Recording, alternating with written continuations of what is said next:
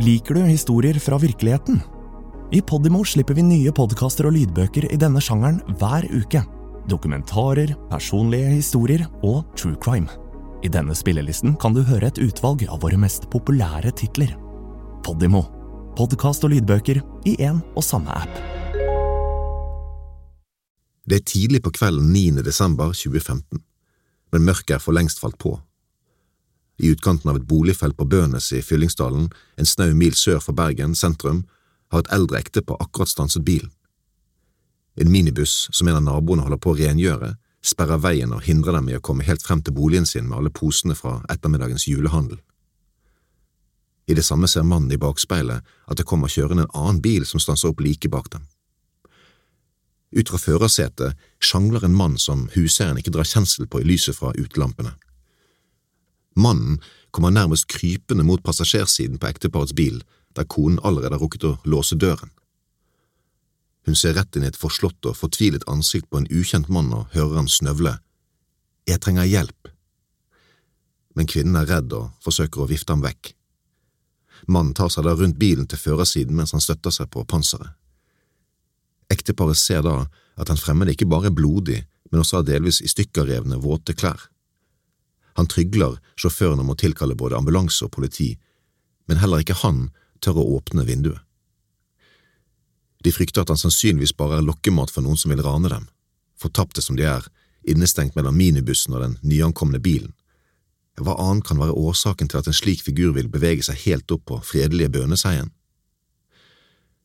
For å avlede oppmerksomheten vifter og peker det forskremte ekteparet energisk mot en mann som steller med den store bilen foran dem. Til deres lettelse raver den pågående mannen videre mot passasjersiden på minibussen, der døren står åpen. I lyset fra en gatelykt ser de at han også mangler en sko.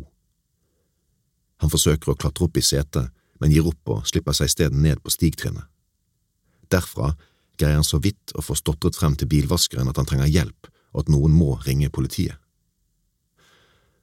Eieren av minibussen er i starten også skeptisk, men skjønner snart at den godt voksne mannen er i reell nød. Han ser at han peker på det blodige og mishandlede munnpartiet sitt, og skjønner at han ber om vann. Han gir ham en vannflaske, men ser at mannen ikke greier å løfte den til munnen. Isteden klemmer han ut vannet så den tynne plastflasken knitrer og spruter vann over hele ansiktet. Noe av det blodige vannet renner inn i munnen på ham, men mesteparten havner på stigtrinnet og de allerede gjennomvåte klærne hans. Etter noen åpenbart smertefulle svelg begynner den medtatte mannen på en utrolig forklaring. Han skal nettopp ha greid å unnslippe tre maskerte menn bevæpnet med pistol og kniv.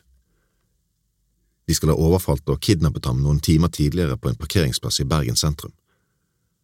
Han er dessuten livredd for at det skal tilstøtte samboeren hans noe, siden kidnapperne har stjålet nøklene til både kontoret og leiligheten hans. Han snakker hektisk og usammenhengende, men minibusseieren forstår i alle fall at mannen trenger medisinsk hjelp, enten han har havnet i en slik situasjon på den ene eller den andre måten, og noen må uansett ha gitt ham en brutal behandling. Han skjelver, er trolig også av kulde fordi han er gjennomvåt. Politiet svarer raskt og bekrefter at de vil sende både en politipatrulje og en ambulanse. Mens han venter på hjelpen, fortsetter mannen sin fantastiske fortelling. Kidnapperne skal ha overrumplet ham i hans egen varebil og stukket en pistol inn i munnen på ham, dratt ham inn i lasterommet, teipet igjen munnen hans og tredde en pose av fiber nedover hodet på ham og strammet til så han ikke fikk puste.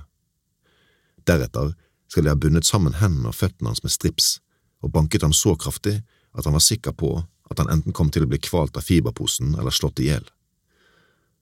Han sier at han vet hvem som sto bak mishandlingen, fordi han gjenkjente stemmen på en av gjerningsmennene.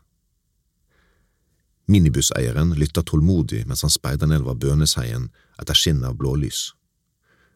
Og da ekteparet forstår at mannen sannsynligvis er ufarlig, kommer også de bort til ham. De hører ham fortelle at han ble forlatt i varebilen noen hundre meter nede i veien, og gjenkjenner nå bilen som sto parkert på et sted der det sjelden pleier å stå biler langs veien. Men han vet verken hvor lenge han har ligget der, eller hvor han er. Likte du denne episoden? Så del den, da vel. Fortell en venn hva du hører på, og gi følelsen av god lytting i gave til noen du bryr deg om.